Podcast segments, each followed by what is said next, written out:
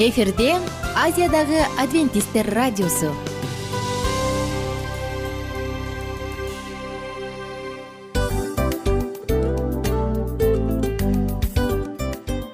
Достор салют. Баардык сүйүктүү угармандарыбызга салам айтабыз. Кутман күнүңүздөр менен. Ден соолук өмүрдүн булагы демекчи саламат саамы программасында баарыңыздарды көргөнүбүзгө абдан кубанычтабыз. Анда алгач амандашып өтөлү арбаңыздар деп. Ден соолугуңуздар кандай элибизде көбүнчө ден соолук кандай дегенде эле жакшы деп жооп беребиз э? ооруп турсак дагы жакшы дейбиз. Анан мен муну айтып ойлойт элем бул абдан сонун сөз депчи анткени бул жакшы деген үмүт да э ооба баары жакшы болот. Баары сонун. Деп үмүттөнүп атып эле өзүбүздү өзүбүз дарылап коебуз. Анысы кандай? Сиздин дагы ден соолугуңуз жакшы беш деген үмүттөбүз чындыгында ден соолук бул өмүрдүн булагы деп бекеринен айтылган эмес деп ойлойм. Кыргыз элинде. Анткени эгерде ден соолук жок болсо анда адамдын жашоосунда калган баардык керектүү маңыздуу нерселер өзүнүн баалуулугун жоготуп коет. Ошондуктан ден соолук бул эң керектүү нерсе. Ооба туура айтасың кесиптешим. Чынында ден соолугуң жок бир эки үч күн ооруп калсаң эле э кандай болуп калат? Жашоодо көз каранды болуп каласың көп нерсеге жетишпей каласың көп нерсени кыла албай каласың жада калса эчке дүкөнгө да чыга албай каласың. Туптуура анан ден соолук болсо демек биз биздин бактыбыз тоодой деп койсок болот.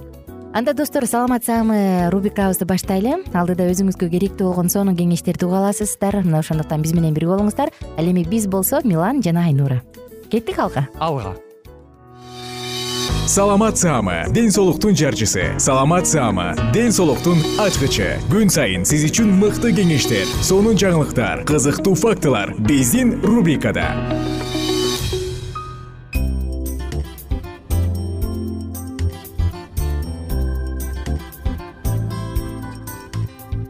Салам достор. Биз сиздер менен кайрадан саламат саама рубрикасында бүгүн дагы остеопороз жөнүндө темабызды улантабыз ооба чындыгында коңгуроо кагуучу оорулардын бири. Себеби дегенде дүйнөнүн көп өлкөлөрүндө анын ичинен кыргызстан менен орусияда элүү жаштан ашкан ар бир үчүнчү аял ар бир бешинчи эркек остеопороздон жабыркайт. Мунун келип чыгуу себептери жана дарылоо жолдору тууралуу биз алдыда сөз кылабыз.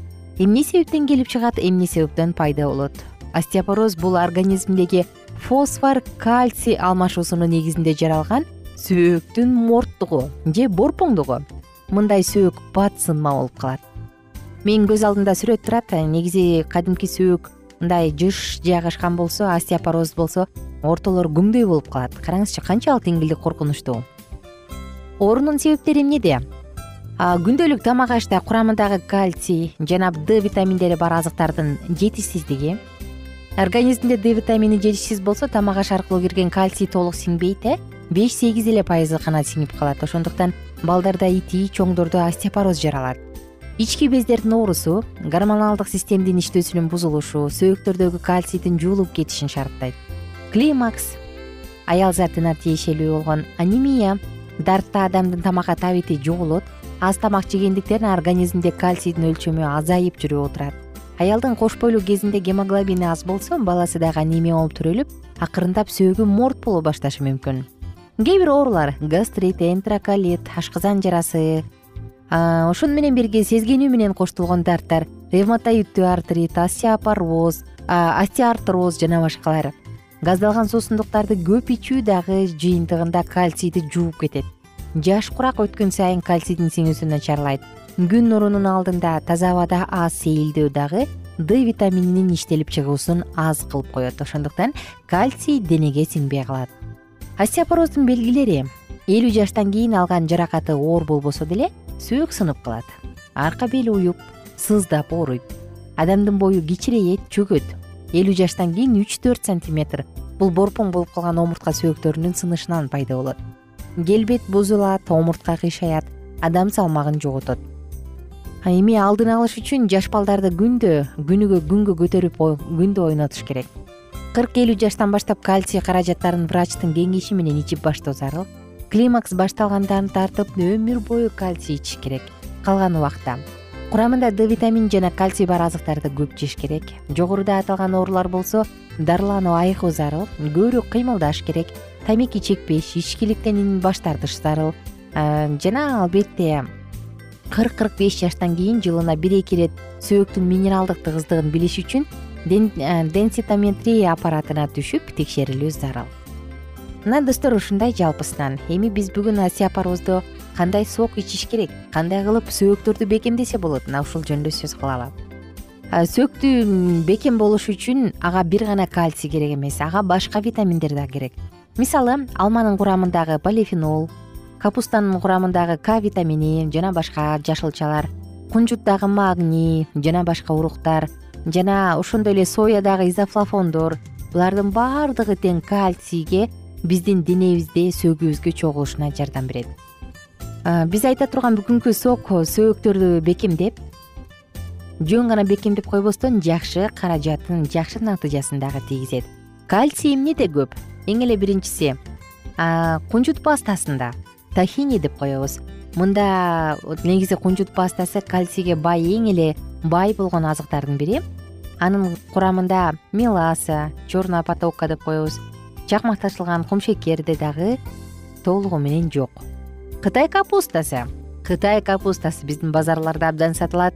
Жана биз салаттарда көп колдонуп жейбиз кытай капустасы дагы капусталардын бир түркүмүнө кирген өсүмдүк э жашылча анан ал бир аз тармал келет. Анын чачтары чачтары дебедимби жалбырактары. Анан анын курамында жөн гана капуста эмес к витамини дагы абдан көп. Дал ушул к витамини кальцийдин биздин сөөктөрүбүздө топтолуп калышына жардам берет. Жана ошондой эле уйдун сүтү дагы кальцийге бай. Уй болсо өзүнүн сүтүн өзү ичпейт да анда кальций каяктан албетте бул чөп чарыдан жана уйдун жеген тамагынан анын курамында кальций көп болот. Мына ушундай достор эми биз биз бүгүн айта турган сок остеопорозго каршы сөөктөрдү бекемдөөчү сок үчүн эмне керек? Ингредиенттер менен бөлүшөбүз жана угармандарыбыздын баардыгын жазып алууга чакырабыз. Сизге керектүү азыктар. Эки порция үчүн ар бири эки жүз элүү миллилитрден эки орточо көлөмдөгү алма. Эгерде ал таза экологиялык жактан таза болсо сыртына ачыбай эле коюңуз. Эки чашка китай капустасы бир кабачок эки аш кашык меласа же кара потока. Ошондой эле эки аш кашык кунжут пастасы керек. Аны миндаль пюресси менен алмаштырып койсоңуз болот. Алманын ичиндеги уруктардын баардыгын алып чыгыңыз. Эгер таза болсо сыртына ачыбай эле коюңуз андан соң алманы капуста кабачокту соковыжималкадан өткөрүңүз. Пайда болгон алынган сокко кунжут пастасын кошуңуз же меласаны кошуп коюңуз болду аралаштырып иче бересиз. Дагы бир жолу кайталайын. Эки орточо көлөмдөгү алма эки чашка кытай капустасы бир кабачок эки аш кашык меласа же кара потока жана эки аш кашык кунжут пастасы. Баардык нерсени сыртын тазалап ачып алгандан кийин алманы капустаны кабачокту соковыжималкадан өткөрүңүз пайда болгон сокко кунжут пастасын жана меласаны кошуңуз. Болду? Сонун сок даяр мындай соктун касиети минералдаштырат тазалайт сонун күчтүү антиоксидант азыктандырат жана ракка каршы сонун суусундук достор өзүңүздүн ден соолугуңузга кам көрүңүз оорубаңыз сулуу болуңуз. Сөөк адамдын скелетин кармап турат эмеспи жалпы эгер сөөктүн түзүлүшү бузулуп адам ирейе баштаса анда бетиң канчалык сулуу болбосун бирок сенин сөөгүң кыйшайып турса анда сулуулуктун баардыгы бузулуп калат ошондуктан бала чактан кичинекей кезибизден ден соолугубузга туура кам көрөлү. Ушул жана башка материалдар кызыктуу сонун ойлорду саламат сайт клубунан таба аласыз. Биз сиздерди күтөбүз. Кайрадан амандашканча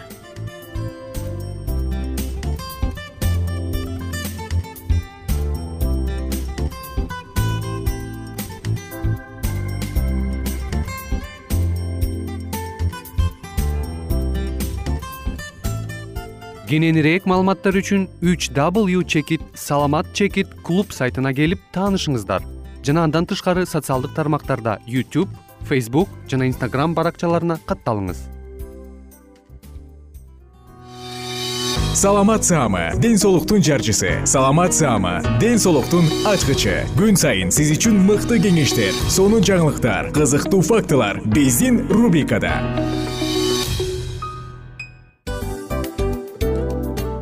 салам достор.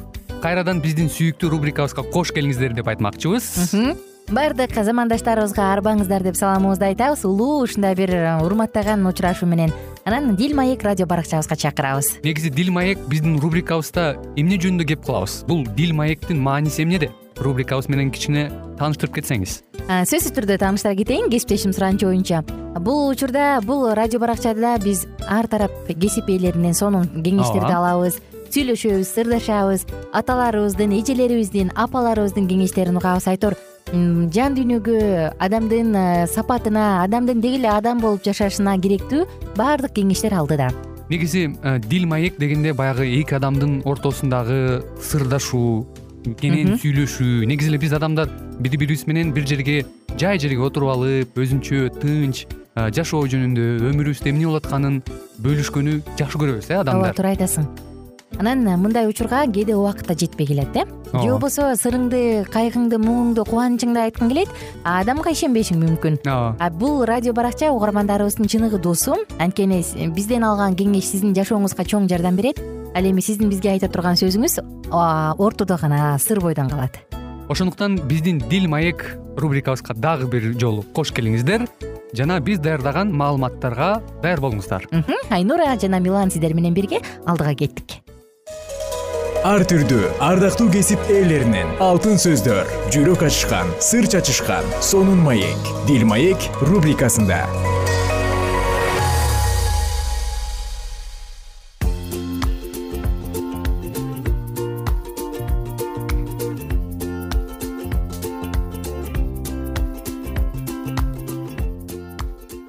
кушубак күнүңүздөр менен замандаштар сүйүктүү угармандар сиздер менен кайрадан жагымдуу саатыбызды дил маек уктуруусун баштадык. Дил маек рубрикасы жана бүгүнкү тема ыйса менен маектешкен самариялык аял.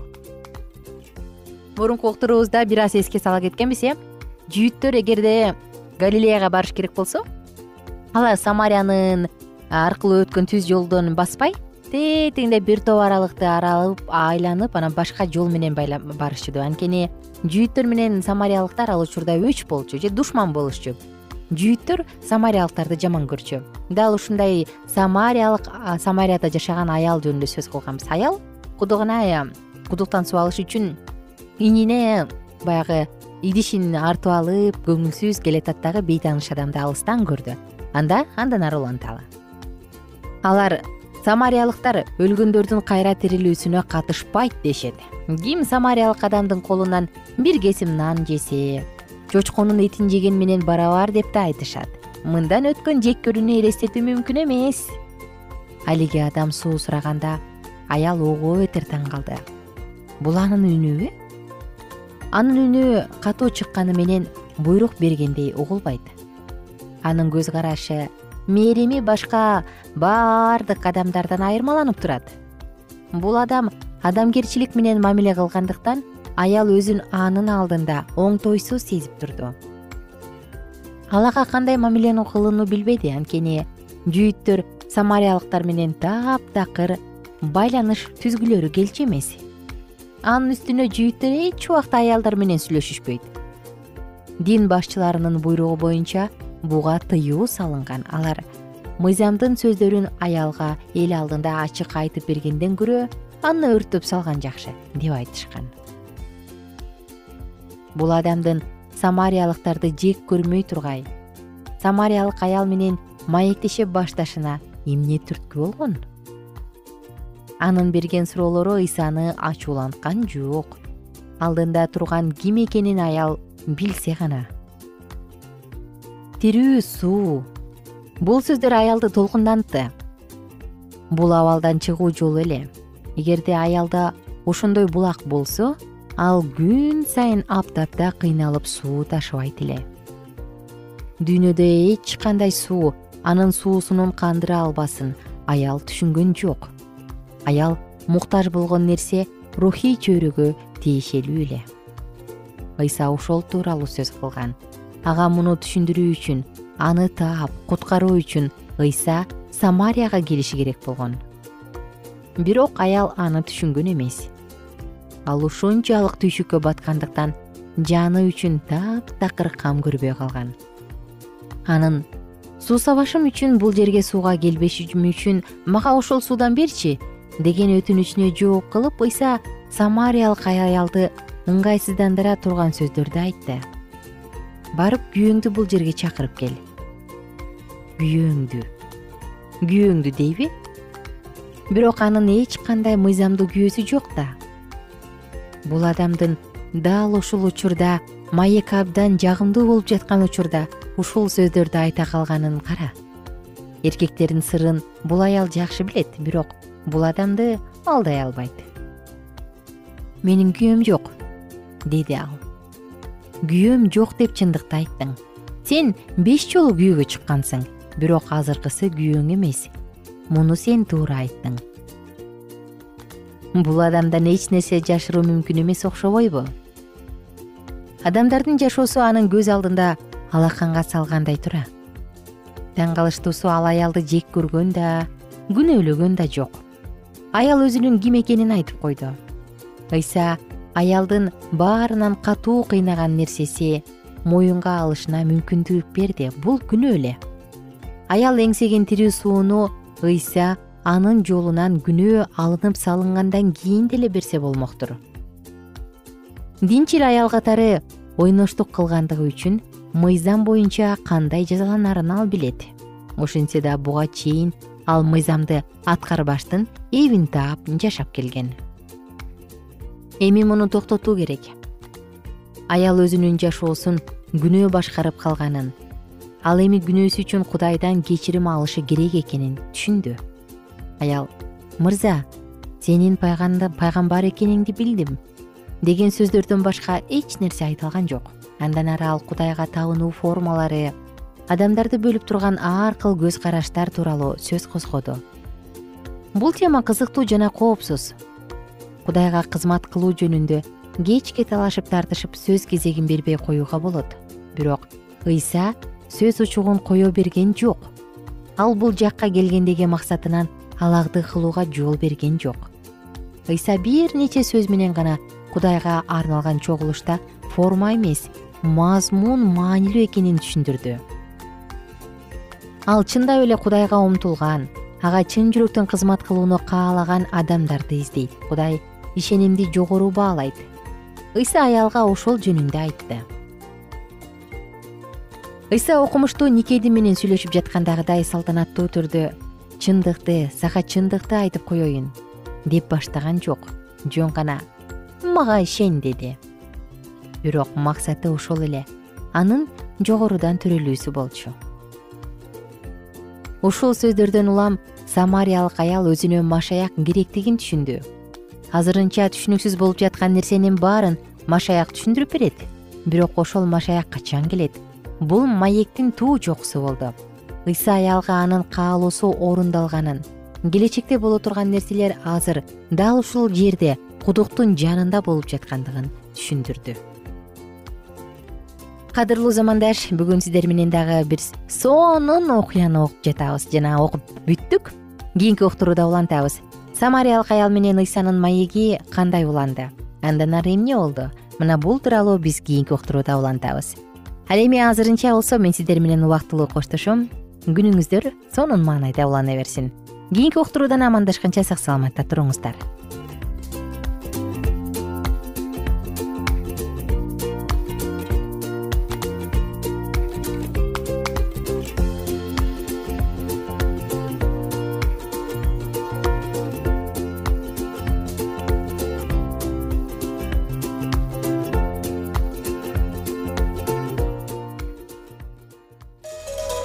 ар түрдүү ардактуу кесип ээлеринен. Алтын сөздөр жүрөк ачышкан сыр чачышкан сонун маек. Дил маек рубрикасында.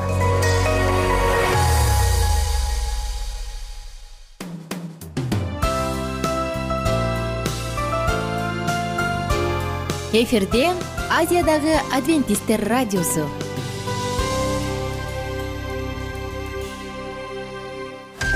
жан дүйнөңдү байыткан жүрөгүңдү азыктанткан жашооңо маңыз тартуулаган жан азык рубрикасы.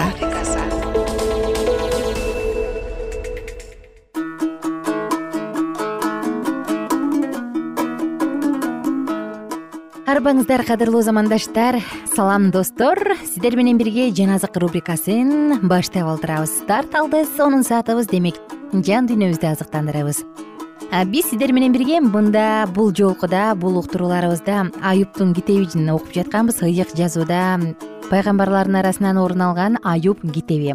Анан албетте аюптун жашоосу кандай болгон? Башында бай. Бир нече уул кыздын атасы баардык жагынан бай адам болгон. Бирок башына кыйынчылык түшүп ал баардык байлыгынан уул кызынан мүлкүнүн баардыгынан кулдарынан күңдөрүнөн айрылып ал эмес өзү дагы ооруп калды э? Мына бул учурда анын достору келип ага кеңеш айтып атышат. Бүгүн болсо сиздер менен билдат доосуна жооп берген аюптун бешинчи жообун окуйбуз биз менен бирге болуңуздар.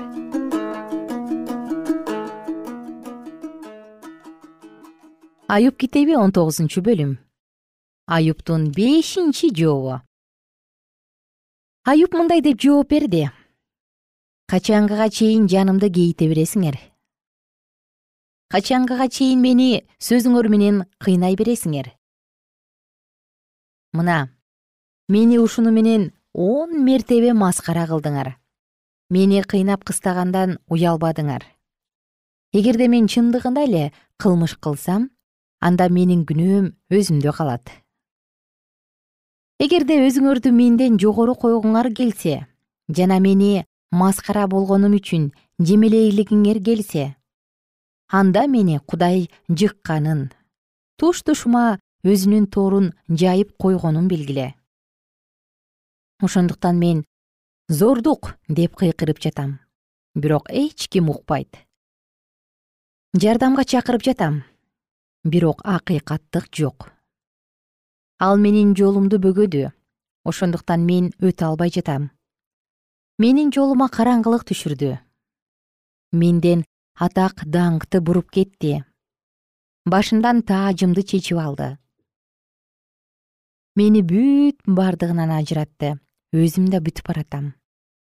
Үмүтүмдү дарак сыяктуу түбүнөн омкорду мага өзүнүн каарын чачып мени өзүнүн даш кас душманы катары эсептеди анын түмөн кошууну биригип келди. Багытын мага буруп менин чатырымды курчап алышты ал менден бир туугандарымды алыстатты. Мени билгендер менден оолактап калышты. Жакындарым мени таштап кетишти. Тааныштарым мени унутуп коюшту. Үйүмдөгү келгиндер жана күңдөрүм мени бөтөн адам катары эсептешет аларга мен жат кишидей болуп калдым. Кызматчымды чакырсам ал мага жооп бербейт. Мен ага жалынып жалбарышым керек. Дем алганым өз аялыма жакпай калды. Өзүмдөн чыккан балдарым үчүн ага жалынышым керек. Атүгүл мени кичинекей балдар да жек көрүшөт. Үйдө турсам алар мени шылдың кылышат. Ынак досторум да менден жийиркенип калышты жакшы көргөн адамдарым да мага каршы чыгып калышты. Сөөктөрүм менен денем териме жабышып тишимдин бүйлөсү менен гана калдым. Ырайым кылгыла мага досторум. Мага силер ырайым кылгыла. Анткени мага кудайдын колу тийди. Эмнеге силер да мени кудай сыяктуу куугунтуктайсыңар? Эмнеге этиме тойбой жатасыңар о менин сөздөрүм жазылып калса гана алар китепке жазылса гана коргошунга темир кескич менен чегилсе гана аска ташка түбөлүккө басылса гана. Мен болсо куткаруучум тирүү экенин билем. Ал акыркы күнү менин чирип бара жаткан теримди топурактан кайра тургузат. Мен өз денемде кудайды көрөм. Мен аны өзүм көрөм башка бирөөнүн көзү эмес аны өзүмдүн көзүм көрөт. Көкүрөгүмдө жүрөгүм эрип бара жатат. Силер биз аны эмнеге куугунтукка алып жатабыз? деп айтууңар керек эле. Менден кыянаттык тамыры табылгандай карайсыңар да. Кылычтан корккула анткени кылыч жалгандан өч алат. Сот бар экенин билип койгула. Аюп китеби жыйырманчы бөлүм. Сопардын сөзү. Наамалык сопар мындай деп жооп берди өзүмдүн ойлорум мени жооп берүүгө түртүп жатат. Ошондуктан мен аны билдирүүгө шашылам мени ыза кылган жемени уктум мен үчүн акыл эсим жооп берет. Сен эмне? Байыртадан бери адам баласы жер бетине коюлгандан бери эмне болгонун билбейсиңби? Мыйзамсыздардын шаттыгы убактылуу экенин эки жүздүүнүн кубанычы көз ирмем экенин билбейсиңби анын даражасы асманга жетсе да түбөсү булуттарга тийсе да өзүнүн заңына окшоп ал түбөлүккө жоголот. Аны көргөндөр ал кайда? дешет. Көргөн түштөй көздөн кайын болот. Аны таппай калышат. Ал түнкү көрүнүштөй жоголот. Аны көргөн көз аны экинчи көрбөйт. Ал отурган орунда аны билбей калат. Анын уулдары жакырлардан кайыр сурап калат ал уурдагандарын өз колу менен кайрып берет. Анын сөөктөрү жаштыкты күчүнө толгон бирок ал аны менен бирге топуракка жатат. Эгерде кыянаттык анын оозунда балдай таттуу болсо ал аны тилинин астында жашырып турса аны сактап жүрсө таштап салбай оозунда кармап жүрсө анда анын ушул тамагы ичинде улуу жылаандын уусуна айланат. Ал жутуп алган байлыгын кайра кусат кудай аны анын курсагынан чыгарат. Ал жыландын уусун соруп жатат аны уулуу жыландын тили өлтүрөт. Ал бал менен сүт аккан өзөндөрдү дарыяларды көрбөй өтөт. Тапканын кайтарып берет жутпайт. Анын алган жазасы да байлыгына жараша болот кубанбайт. Анткени ал жакырларды эзген куру кол кое берген өзү курбаган үйлөрдү тартып алган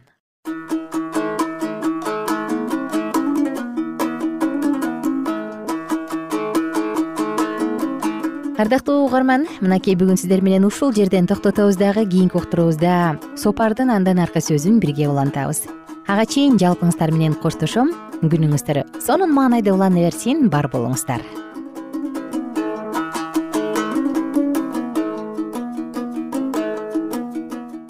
Эгер сиздерде суроолор болсо же көбүрөөк маалымат билем десеңиз анда биздин whatsapp номерибизге жазыңыз.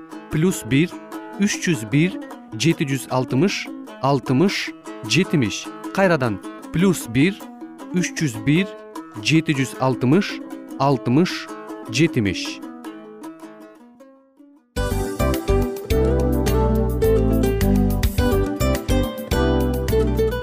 Ушун менен достор программабыздын уктуруубуздун эң кайгылуу мөөнөтүнө келип жеттик кайгылуу дегенде ыйлагым келип кетти кесиптеш. Кадимкидей. Анткени баягы учурашасың анан коштошуу учур келгенде ии кантип ии эми бат баттан келиптир э сагындырбай деп атып араң коштошобуз го. Анысы кандай угармандарыбыз менен коштошчу учур келди. Кийинки уктурууларды сагыныч менен жүрөгүбүздө кусалык менен күтөбүз жалпыңыздарды анан жарым сааттык уктуруу көз ачышым канча өтүп кетти. Сөзсүз бирок бизде жакшы кабар бар. Кийинки уктурууларыбызда сөзсүз дагы кезигишебиз. Анткени биз көптөгөн сюрприздерди кызыктуу маалыматтарды жана керектүү керектүү нерселердин көпүнчөсүн даярдадык. Андай угармандарыбыздын баардыгына ийгиликтүү күн каалайбыз эгерде бүгүнкү күнүңүз өзгөчө э, өтүшүн кааласаңыз анда позитивдүү ой жүгүртүп жылмайып жакындарыңызга жакшы маанай тартуулап жүрө бериңиз анткени сөзсүз түрдө мунун арты кайтат э? Сөзсүз. Баягы ден соолугуң оңолот ал бул деп көп нерсени санап келебиз. Эң негизгиси бул сиздин жашооңузду жаркын кыла түшөт экен. Жараткан кудай ар бирөөңүздөргө батасын берсин жашооңуз ийгиликтүү болсун сак саламатта калыңыздар деп мен милан жана кесиптешим айнура. Баардыгыңыздар менен кийинки уктурууда үн алышканча. Баарыңыздарга ийгилик каалайбыз